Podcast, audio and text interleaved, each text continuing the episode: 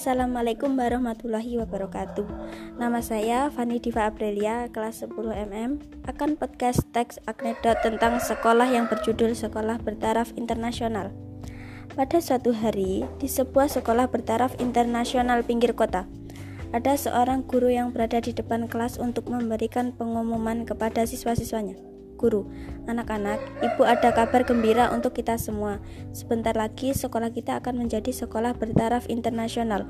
Untuk menyambut berita yang menggembirakan ini, ibu bertanya ke kalian, apa yang sudah kalian siapkan untuk menyambut SPI ini? Guru, coba Dwi jawab pertanyaan ibu. Apa yang akan kamu lakukan untuk menyambut SPI ini, Dwi? Dwi, Dwi mau belajar bahasa Inggris, Bu, supaya nanti Dwi bisa mahir ngomong Inggris. Guru, Wah, hebat kamu Dwi. Selanjutnya, ibu mau tanya ke Agung. Apa yang kamu lakukan, Gung? Agung, hmm, menyiapkan uang, Bu. Krisis mendengar jawaban Agung. Sontak guru tersebut heran dan mencoba bertanya lagi ke Agung untuk memperjelas ucapannya.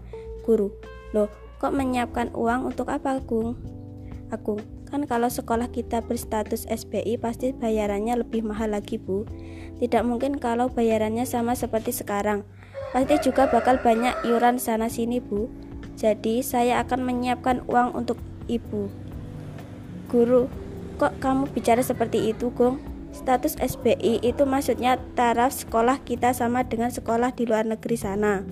Agung, iya bu, tapi menurut saya bukan sekolah bertaraf internasional Melainkan sekolah bertarif internasional. Biaya yang akan dikeluarkan pasti besar reaksi. Mendengar ucapan Agung, guru tersebut hanya menanggapinya dengan tersenyum. Wassalamualaikum warahmatullahi wabarakatuh.